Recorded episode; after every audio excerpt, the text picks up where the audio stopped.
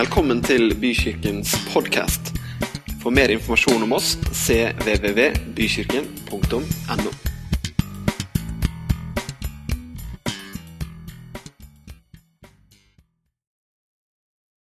Hvis du noen gang hadde vært eh, på besøk hos meg, eller du er velkommen, men kommer du på besøk hos meg i Oslo, hvor vi bor, eh, min kone Marit og Fredrik og Lene Marie, det er de to barna som fortsatt bor hjemme, og oss, så vil du oppdage det at eh, med veldig stor sannsynlighet så går jeg uten sokker hjemme hos meg sjøl. Jeg vet ikke om dere pleier å gjøre det, men det er bare nesten sånn notorisk. altså. Og Av og til så, så er det jo liksom litt på grensen. av. Vi har jo fine folk på besøk, kanskje.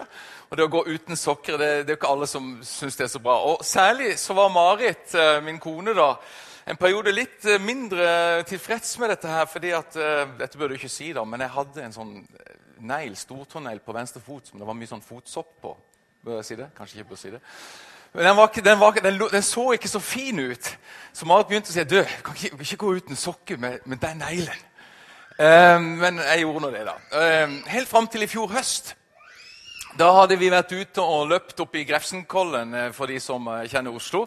Jeg hadde min, svig, min datter Kristina og, vår nye svigersønn Leif på besøk. og Vi hadde hatt en fin dag og var da på vei hjem. Skulle bare innom et sted joggesko og sånt. Og akkurat idet jeg runder liksom et hjørnesko på ei trapp, så dryler jeg venstrefoten inn i en sånn en murkant som jeg ikke ser. For du ser jo aldri hvor du går, sier Marit. Du ser jo ikke hvor du trør. Vet ikke om noen andre som er i denne situasjonen. Jeg bare går, jeg. Også. Også, og, og det gjorde bare så utrolig vondt å kjøre akkurat den tåa inn i den murkanten.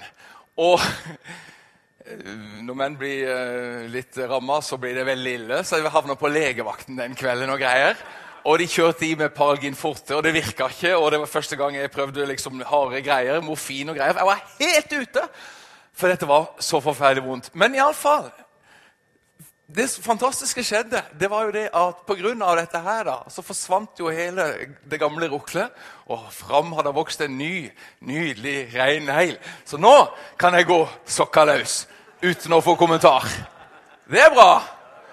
Føtter for fellesskap. Ja, vet ikke om du er frista til å bare liksom dra av skoene og sokkene og sitte sånn. Nei, Vi liker å gjerne skjule uh, greiene der, da. Men uh, noen møter er liksom større enn andre. Noen måltider er viktigere enn andre.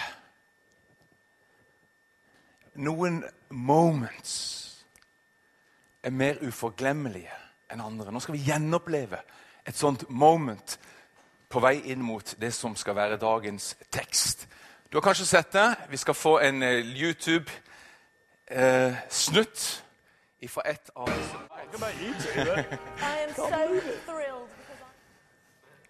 Kanskje du har sett det noen moments er mer uforglemmelige enn andre.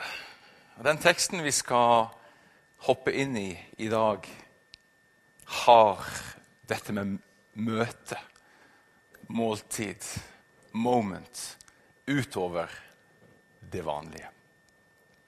Vi leser sammen tekst fra Johannes kapittel 13, når vi leser Jesu navn.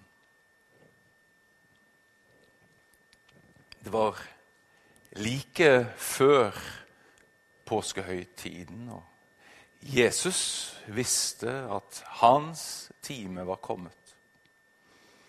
Han skulle gå bort fra denne verden og til sin far. Han hadde elsket sine egne som var i verden. Og han elsket dem helt til det siste. De holdt måltid.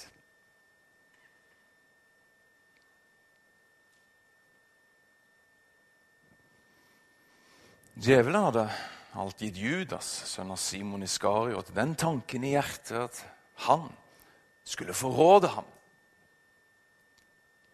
Jesus visste at far hadde gitt alt i hans hånd, og at han var utgått fra Gud og gikk til Gud.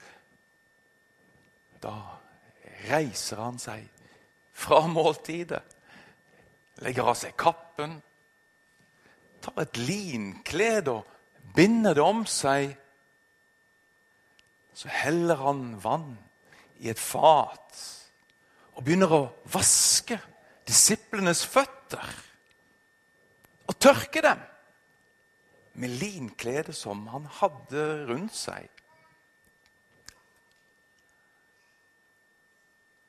Han kommer til Simon Peter. Peter sier, 'Herre, vasker du mine føtter?'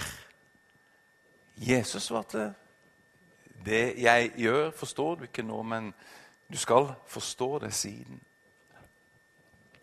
Aldri i evighet skal du vaske føttene mine, sier Peter. Hvis jeg ikke vasker deg, har du ikke ingen del i meg, svarte Jesus. Da, sier Peter, Herre, ikke bare føttene, men hendene og hodet også. Jesus sier til ham, den som er badet, er helt ren og trenger bare å vaske føttene. Dere er rene, men ikke alle. For han visste hvem som skulle forråde ham, og derfor sa han, dere er ikke alle rene. Han hadde vasket føttene deres og tatt på seg kappen, tok han plass ved bordet igjen. Så sa han til dem, forstår dere hva jeg har gjort for dere? Dere kaller meg mester og herre, og dere gjør det med rette, for jeg er det. Når jeg, som er Herren og Mesteren, har vasket deres føtter, skylder også dere å vaske hverandres føtter. Jeg har gitt dere et forbilde. Slik jeg har gjort mot dere, skal også dere gjøre. Sannelig, sannelig, jeg sier dere. Tjeneren er ikke større enn herren sin. Og utsendingen er ikke større enn han som har sendt ham. Nå vet dere dette. Salige er dere, så sant dere også gjør det. Amen. Nettavisen kunne fortelle i dag, eller i går var det kanskje, at uh, mange slurver med å vaske føttene. Faktisk så er det rett, rett som vanlig. Nesten halvparten de vasker ikke føttene de dusjer. De bare lar vannet renne over føttene, og så tror man at de er rene. Jeg vet ikke hva du gjør. Men her syndes det mye. Store mørketall. Fotvasken, folkens, må oppjusteres. Og Det var kanskje på den tid sånn også. vet du, fordi at Paulus sier jo i 1. Korinterbrev kapittel 12 at liksom han beskriver kroppen og kroppsdelen og sånt der. Så først han sier at det er liksom om når foten sier at fordi jeg ikke har hånd, så hører ikke jeg med på kroppen. Så kanskje han tenkte på at man vasker jo hendene sikkert fem ganger så ofte som man vasker føttene. Det er jo en sånn nedprioritert kroppsdel, kan man kanskje tenke. Og Ikke bare så er det lurt å vaske føttene, ifølge en sånn type spesialister, men man skal også, som Jesus gjorde, sørge for å tørke de.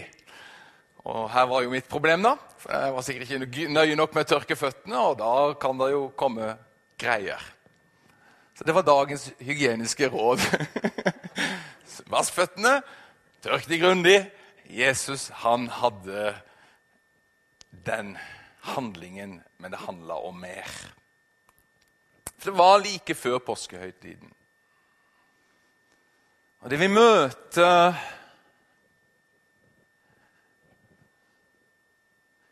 En spesiell stund. I dag tidlig så kom jeg opp kjørende fra Sørlandet. Jeg har en god far. Han begynner å bli gammel. Det var sykehuset jeg besøkte ham på i går. Flekkefjord sykehus. De som ser nyheter, skjønner at han bør komme seg ut derfra fort. Fordi jeg, jeg har blitt gransket for at det skjer der. Det er en del ting som ikke burde skje, visstnok. Eh, men han er på Flekkefjord sykehus. Han er gammel. Jeg hadde ikke tenkt å reise til Sørlandet. Men jeg vet ikke hvor mange ganger jeg har igjen. Jeg vet ikke hvilket måltid som blir det siste. Og vi fikk en uh, spesielt fin stund i går. Det var noe jeg hadde lyst til å takke ham for. Jeg følte at jeg måtte si det. Han vet det. Jeg følte jeg måtte si det. 'Pappa, takk for at du har tatt sånn interesse i mitt liv.' Takk for den du har vært for meg. Jeg håper jeg ser ham mange ganger til. Men det er noe med når settingen liksom er der, at du vet at dette er et måltid utover det vanlige. Og når Jesus var der med disiplene, så står det han hadde elska de hele veien. Og han hadde den samme brennende kjærligheten til de nå. Og så holder de måltid. Og så er det akkurat som om dette måltidet bare uttrykker noe av den enorme kjærligheten som fører disse mennene inn i et sånt intimt fellesskap med Jesus. Og den som kanskje nyter det mest av alt, er nettopp Jesus. Vet du hva? Gud, vår Herre og Frelser, elsker og søker fellesskap med oss. Er ikke det en flott sannhet? Jesus elska, og han søkte å dele måltid med sine disipler før han skulle dra herfra.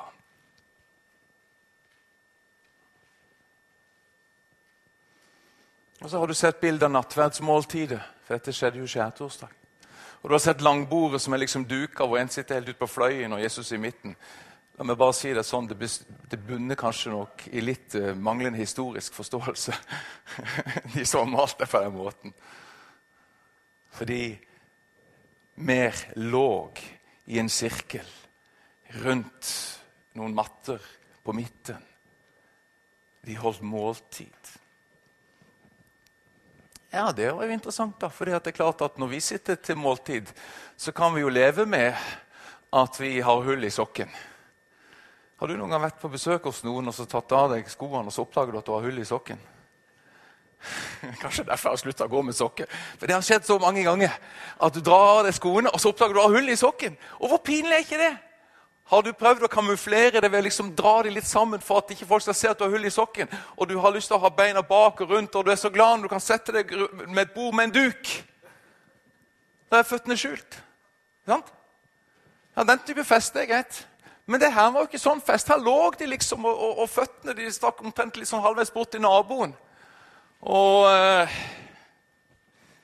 du vet, De hadde ikke så godt fottøy heller, så hvor de hadde gått, det var, det var mulig å spore det. Rett rundt måltidet. Og Jevnfør min kone som sier til meg du ser aldri hvor du går. Nei, Det, det hender at man tråkker steder man ikke burde ha tråkka. Både bokstavelig og billedlig talt.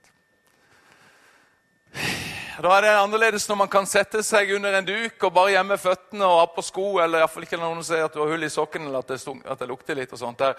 Men den type fellesskap og den type måltid og det nærværet som Jesus inviterte disiplene inn i, var av det litt avslørende slaget.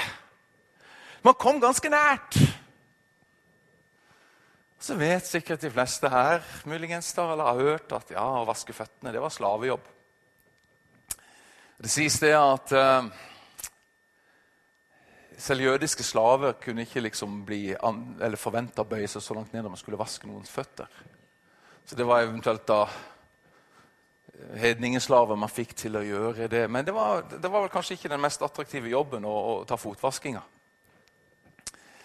Samtidig så er det en interessant detalj som man kan lese seg fram til hvis du bare prøve å finne litt ut. og Jeg er ingen scholar. Du kalte meg bibellærer. Det syns jeg var å ta litt dritt i. altså, Jeg er ikke den type som kan dette forlengs og baklengs. Men, men, man kan jo da lese seg litt fram til at det hendte at verten vaska gjestenes føtter. Det hendte.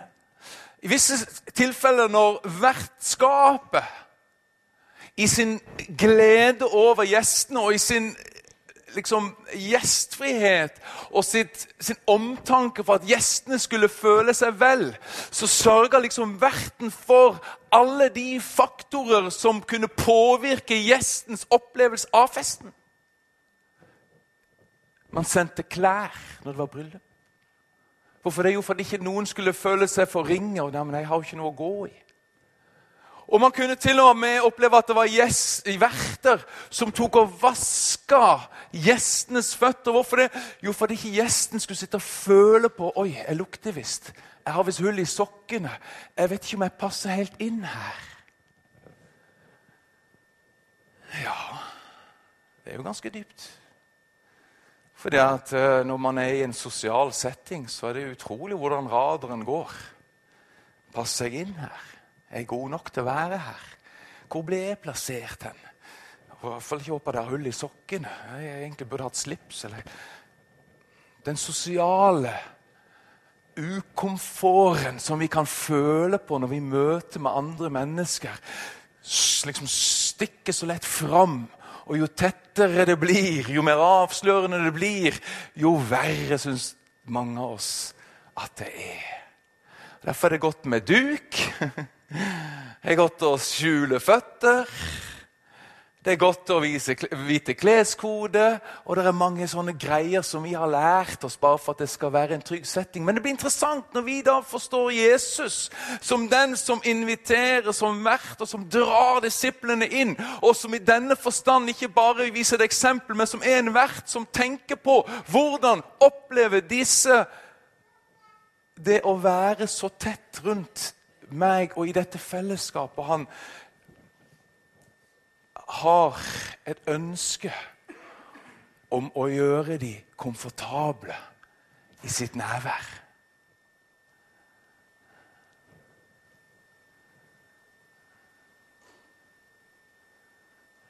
Ja, men Det gjør jo du òg hvis du er vert.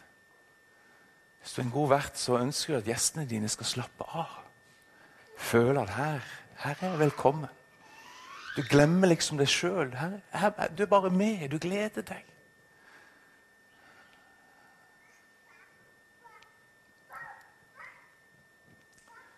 I denne festen så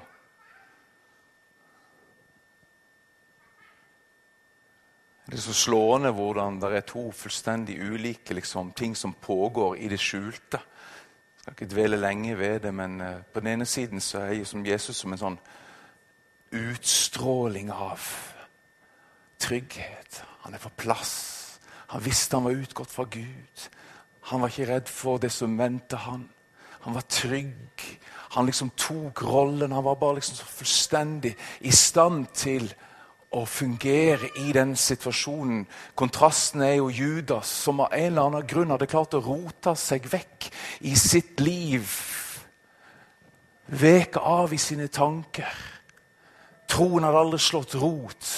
Og mens de satt der, så fabulerte han på hvordan han skulle finne måten å få tatt knekken på Jesus. Utrolig kontrastfylt.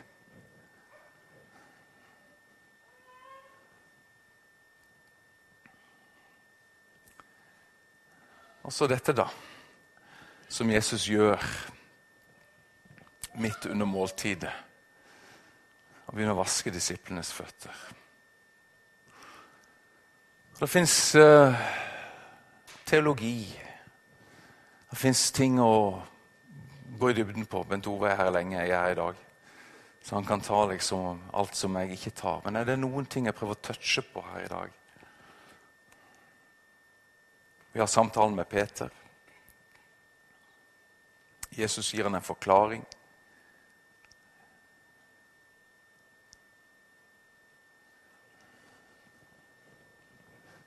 Han sier det kanskje på denne her måten at Peter Det er fordi at du, som på alle måter hører til i dette fellesskapet, fordi at du er rein, fordi at du har tatt imot mitt ord, fordi at du skal være her, så vil jeg vaske dine føtter, sånn at ikke du mens du er her, skal sitte og føle på uverdighet. Noe burde vært fiksa på. Hvilken frelser er det vi har? Som ikke bare frelser oss, som ikke bare renser oss, men som rekker seg ut for å gjøre oss trygge i sitt nærvær. Ja, Men han kunne jo hatt behag i å holde oss med på tå hev. Passa på at vi liksom ble påminnet på hvor uverdige vi var i oss sjøl. Liksom passa på å stikke litt borti. Ja, jeg kjenner det lukter. Jeg har ikke vaska føttene. Nei, ja, du også slurver med hygienen. Ja, ja, ser du har tråkka visse steder. Ja, ja, jeg merker det, liksom. Åh. Og Vi har så behov for å skjule oss, og ingen av oss har lyst til å vite sporene vi fulgte inn på møtet. Ingen har lyst til å vite fotsporene av hver enkelt av oss gjennom uka. Vi er så glad for at vi liksom ikke trenger å ta alt med fram. Sånn er det mange ganger i livet. Men så er dette et budskap om at han som inviterer til måltid, han både renser oss, gir oss plassen rundt seg sjøl i kraft av det ordet han har talt over våre liv. Frelsesordet som har renset oss ved troen i våre hjerter. Så rekker han seg ut til oss og sier du vet du, la meg også bare få vaske dine føtter. La meg bare få sørge for at du ikke trenger å kjenne deg ukomfortabel i mitt nærvær. For den som er badet er rein og trenger bare vaske føttene.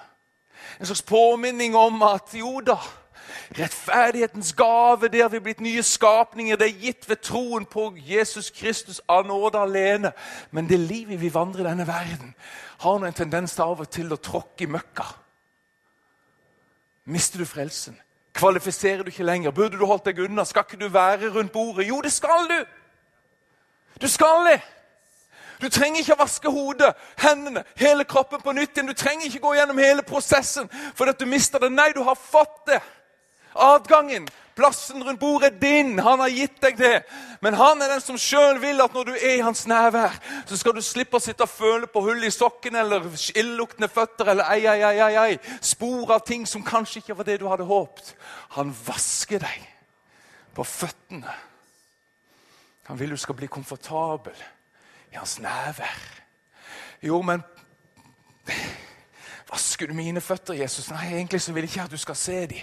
Uh, Jesus, du vet, ah, jeg har vært steder jeg ikke burde vært. og Jeg sa noe jeg ikke burde sagt. og Det var noen greier som skjedde som jeg egentlig ikke er stolt av. Jesus, please, uh, ikke mine føtter. Så prøver vi liksom å skjule.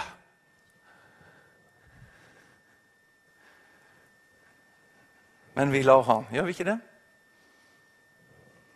Av med sokkene, av med skoene, vift med tærne lar vi han vaske oss når vi kommer sammen. He? Hallo? Tør vi? Tør vi å komme? Jesus, her er livet mitt. Sånn ble uka mi. Sånn var det på jobben, sånn var det på natta, sånn var det på dagen. Av med sokka, her er Jesus. Hør, kjære deg og meg. Vår Herre og Frelser søker oss i kjærlighet. Han søker fellesskap. Han søker å kjenne at vi kommer nær. Han søker å kjenne at vi tør å være i den innerste sirkelen. Han eh, liksom tar det som skal til for å bare sørge for at du vet, som Johannes første brev sier, når vi vandrer i lyset, slik som han er i lyset, da har vi samfunn med hverandre. Jesu blod renser oss fra all synd.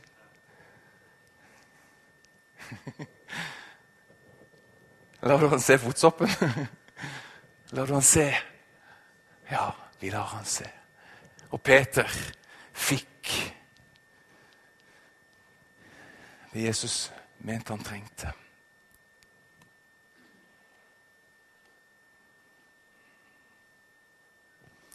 Så skjønner Jesus at de ikke helt forstår. Og jeg forstår heller ikke helt. Derfor kanskje Bent Ove kan forklare litt mer. Jeg forstår ikke helt. Jeg skjønner egentlig ikke helt hva som skjer i denne historien. Forstår dere det jeg har gjort? Nei, jeg skjønner ikke helt, liksom. For at, ja, ja, noen tar det jo bokstavelig og driver og vasker føttene på hverandre. Det er noen kirkesamfunn som holder på med det. Er, liksom, er det det som er greia? For at uh, nattverden, det gjør vi. Men fotvaskingen, den har vi liksom Ja. Det, det ble litt rart. Ny skikk, liksom. Kom på årsmøtet. Ja, nå skal vi innføre fotvasking. komme sammen. Nei, det er liksom Forstår dere? Er det et forbilde? Er det konkret? Hva mener du egentlig, Jesus? Og Kan du virkelig mene at vi kan gjøre for hverandre det bare du kan gjøre med oss? Det er bare du som kan tilgi. Det er bare du som kan rense. Hvordan kan du liksom overlate den praksisen til oss? Nei, Vi forstår ikke helt, men vi skjønner kanskje noe.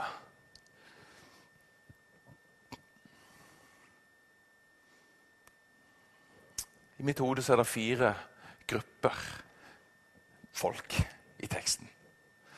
Det vil si Den første gruppa de er jo ikke der. Kunne ha vært der. Kunne ha vært flere, kanskje. Eller kanskje det var bare sånn han ville det. Men helt tydelig så var det ikke alle som lot seg invitere til den type intimitet med Jesus.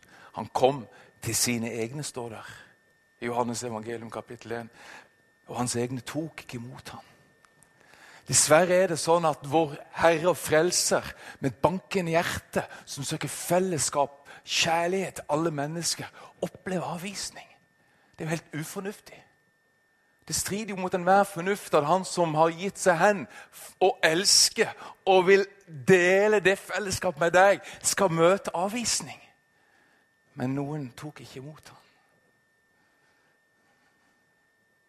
Kjære deg, om du skulle være i dette rommet i dag, og du har liksom diskvalifisert deg sjøl, for du syns ikke du kan gjøre selskapet denne fromme, rene frelseren, gitt hvordan du har innretta ditt liv jo, men hør, kjære.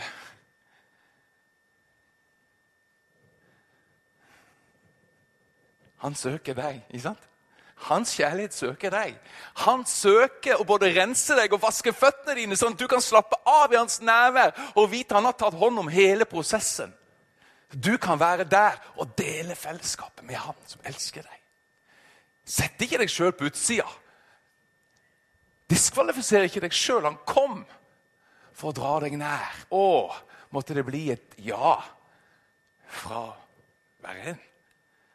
Det var den som var der, men som dro. Og det kan jo noen gang skje. Alltid trist når noen en gang var, eller en periode var. Tilsynelatende en av i mengden, eller en i gjengen, eller en som var med på det som skjedde. Plutselig så kommer det fra en dag at man har liksom bare fjerna seg fullstendig vekk. Det var gjerne skjult mens man var der, men man hadde tillatt ting å gro fram på innsiden som gjorde at man valgte seg bort. Nei, men du og meg, kjære deg og meg, vi vil ikke det, vil vi det? Nei, det vil vi ikke. Det er ingen av oss som tilhører, som det står her. Eller at man var en fortapelsens sønn, eller som det står om Judas, at han var en djevel. Heldigvis var det bare den ene. Gud har bestemt deg til frelse. Hver og en. Det fins ikke ett menneske utenom den Judas som har bestemt til vrede. All right? Hallo, kom ikke til meg og fortell at ja, jeg tror kanskje Gud egentlig ikke har så veldig interesse av at jeg skal henge med han eller holde med til han. Jo, det har han. Det har han. Ingen har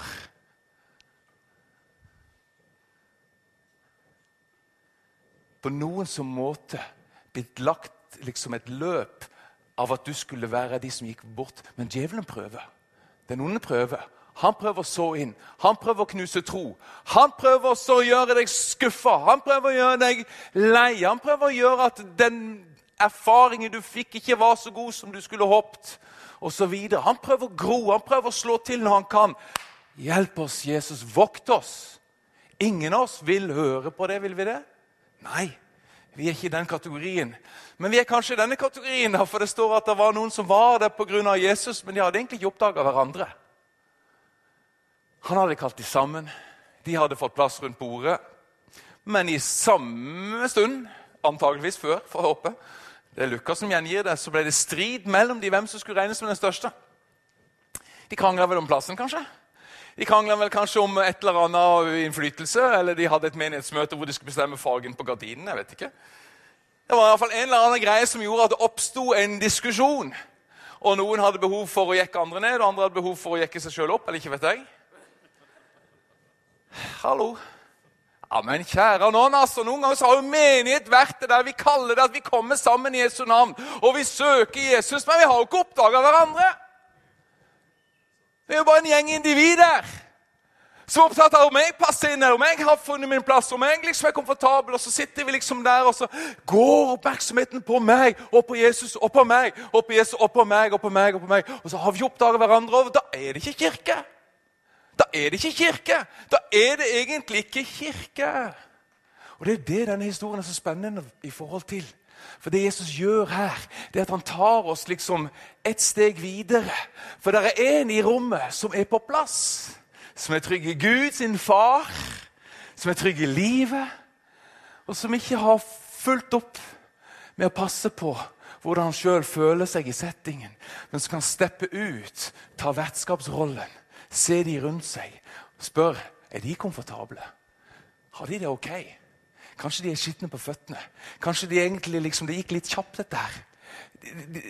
Og så stepper han ut, så tar han vertskapsrollen. Og så gjør han det som skal til for at gjestene rundt bordet skal få lov å kjenne seg trygge på. Yeah, yeah. Halleluja. Her er vi.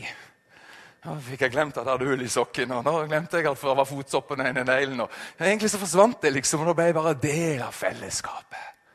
Det er jo vakkert! Det er vakkert. Det er det Jesus gjør. Han tar disiplene med på en reise hvor han vil dra dem ut av og komme sammen. Preoccupied, fullstendig oppslukt av meg sjøl og til å oppdage hverandre. Deri ligger kanskje noe av budskapet i dagens tekst. Hva er det Jesus gjør? Jo, Jesus han, når folk kommer sammen, så gjør han det som skal til for at du skal få bekrefta at du hører til i hans nærhet. Halleluja. Du trenger ikke å pumpe deg opp. Du trenger ikke liksom 17 lovsanger for å kjenne at nå tør du liksom løfte hendene. Vi trenger å høre Hans ord. Vi trenger å høre og fange opp hvem han er. Da kjenner vi ja, han er den som bekrefter meg. Han er den som renser meg. Jeg går i lyset. Jeg tør å komme som jeg er. Hans blod renser meg, og jeg hører hjemme i hans nærhet. Det er fint, det. Det er det han er opptatt av. Det er det han gjør. Det er det første han gjør. Men hva gjør han mer? Jo, han kunne jo tatt de ut i siderommet og sagt Peter, du, kom. Jeg skal klare de andre se det, men du, jeg kjente det lukta litt av føttene dine. Jeg lurer på om du har tråkka en hundebæsj eller noe sånt. Peter. Det var et eller annet her. Jeg vet. Ja, du har vært borti Peter. Hvor har du trødd hen? Ja, ja, ja, du vet at kona mi sier det, at jeg ser ikke hvor jeg går. og Snubla borti noe greier og liksom sparka den hunden. og ja, ok, men la oss få ordna det opp her nå, Peter, sånn ingen andre får det med seg. For jeg merker at de andre stussa litt. Jeg var liksom stygg og dør, men nå Peter, nå dealer vi med det her. Private, sånn at når vi kan gå tilbake til festen, så er you shining glory. Ja, men Det hadde vært praktisk. hæ? Det er jo sånn vi helst vil gjøre det. da. Det skulle tatt seg ut folkens, hvis vi liksom begynte å vise sårbarhet liksom midt i fellesskapet. Og nei, kjære noen, da holder jeg iallfall dem unna. Jeg er jo ekstravert, så jeg kan synes sånn er litt spennende. jeg. Kona mi som introvert hun får helt noia hvis vi skal begynne liksom å vippe hverandre ut i offentligheten med hvordan vi egentlig har det. Slapp av. Jeg tror ikke kirke skal være gapestokk. Jeg tror ikke kirke at nå skal du liksom komme og sitte urolig på stolen, for kanskje noen på en måte begynner nærmest uh, dra fram. Ja, du har vært henne siden sist, liksom. Men det er en dimensjon her. Hør, hør, kjære deg. Midt mellom de. Alle ser det. Så plutselig blir disiplene like. Alle har føtter, alle lukter. Alle trenger å bli vaska. Selv Peter trenger å bli vaska. Sjefen, lederen, den som de trodde kanskje var den fremste av de, trenger å bli vaska. Vet du det er ingen forskjell på oss. Glem det der med hierarki rangering og hvem er bedre og helligere enn andre. Vi trenger alle å bli vaska. Og skjønner, Hvis vi har kirke som er glansbildene våre på utstilling, hvor vi skal liksom vise det mest polerte siden for at vi skal føle at vi tør å sitte i stolen på en gudstjeneste, så får vi ikke tak på kirke! Det blir ingen kirke. Det blir en parodi. Hva er kirke? Kirke er at vi kommer alle inn i et rom hvor vi på en måte møtes med føttene. folkens bokstavelig. Vi møtes liksom i det lave, vi møtes i det ærlige. Vi møtes i det som er sånn det er. Der blir vi betjent av et fellesskap av hverandre som er opptatt av at hver enkelt skal føle seg hjemme i festen. Der blir vi betjent av at disiplene får en, en lærdom, en undervisning. Hvordan gjenskape sånn fellesskap? kjære venner? Det er det jeg prøver å lære dere, sier Jesus. Dette dere opplever nå, det unike. Dette tangible, dette nærværet. Det vil jeg hjelpe dere å gjenskape. Det skal jeg lære dere slik at hver gang dere kommer sammen i mitt navn, så er jeg midt iblant dere. Ja, hvordan da? Jo, på denne måten. Ved å ta vertskapsrollen. Ved å være opptatt av hvordan de andre har det, hvordan de andre føler seg i festen. Ved å gå ut av sin egen selvopptatthet og komme dit at du blir en vert, trygg i Gud. Kan være på tilbudssiden, opptatt av at de andre skal føles inkludert, oppleve seg på plass. Da konstitueres, da manifesteres, da skapes et unikt kjærlighetsfellesskap kalles menigheten.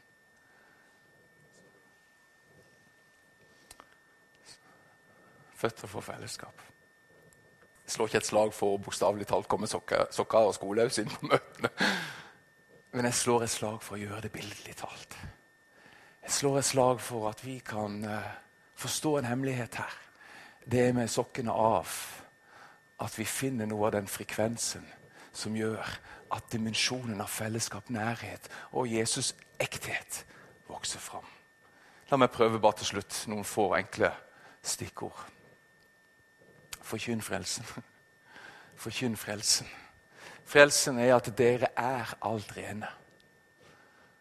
Ikke sant? Hallo? Selv du som ah, Du stinker. Literally, Dine føtter stinker, for du har tråkka på steder du ikke skulle ha tråkka og du lurer på om du kan være i dette rommet. Jeg forkynner frelsen. Har du tatt imot Jesus Kristus, og han kledd deg i rettferdighet, og du er frelst. Men det trengs kanskje fotvask.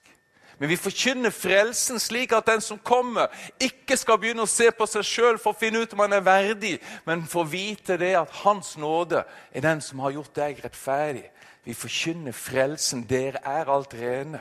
Men vi finner samtidig fellesnevnerne, det at vi alle sammen trenger fotvask. Alle sammen trenger å møte hverandre i en erkjennelse av at det hender vi tråkker der ikke vi skulle ha tråkka, eller bare hverdagslivet pådrar oss smuss. I den fellesnevneren lar vi oss betjene. Visste du det? At din Herre Jesus Kristus han elsker deg og meg så høyt at han ønsker å fjerne vår forlegenhet. Han ønsker å fjerne din forlegenhet. Han ønsker at du skal få oppleve når du kommer sammen, så er det noe som bare liksom renser sånn at også føttene bades. Også føttene bades, og du blir rein du får kjenne at du lever i lyset. Og det er et fotbad hver gang vi er sammen. Og vi blir rensa. Vi blir liksom satt i stand til å gå videre. Når vi søker menighet på denne måten, menighet som fremmer fellesskapet, så erfarer vi noe som er autentisk. Vi erfarer at eh, flere og flere opptrer som verter. Legge til rette for at andre skal få kjenne at det var godt å komme sammen. Det skjer en modning, det skjer en vekst, det skjer en utvikling. Og Herre har vist oss et eksempel for at vi skal gjøre som Han. Vi skal også få vaske hverandres føtter, og vi skal få la oss vaske av hverandre. Bekjenn derfor syndene for hverandre, sier Jakob, for at dere kan bli lekt. Nei, Søndagen er kanskje ikke stedet, men vi prøver også å si noe om menighetsfellesskapet. Det har en sånt element i seg at der blir vi møtt. Der blir vi vaska. Der blir vi forsikra om at vi hører hjemme. Og der går vi videre, og så utrustes vi til å bli verter som tar andre mennesker inn i denne dybda nærhet og kjærlighet til Jesus. Og så kjenner vi Wow, hvilket måltid. Hvilket møte. Hvilket moment. Takk, Jesus, for denne stunden. Takk for denne dagen. Takk for det du gjorde. Takk for måten du tok disiplene, Herre, helt nær. Jesus, vi priser deg. Takk Herre, for den kjærligheten som du har elska hver eneste av oss med, Herre. Takk at du, du tar oss helt inn til det at vi kan ligge rundt ditt bord og være på en måte sårbare lyset med hele våre liv. Og du er den som rekker deg ut. Og så betjener du oss. Så har du sagt at når vi kommer sammen, så skal vi få lov å oppleve at den betjeningen fins fortsatt. Vi kan komme i lys med våre liv. Vi kan komme med de vi er. Og så blir vi rensa. Blir vi bekrefta. Blir vi trygga. Kjenner vi at vi blir reine. Vi kan gå videre. Få ny start. Jesus, Jesus.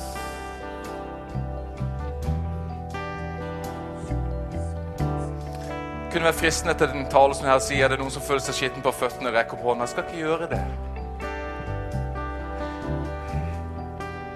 Men jeg har en appell til deg.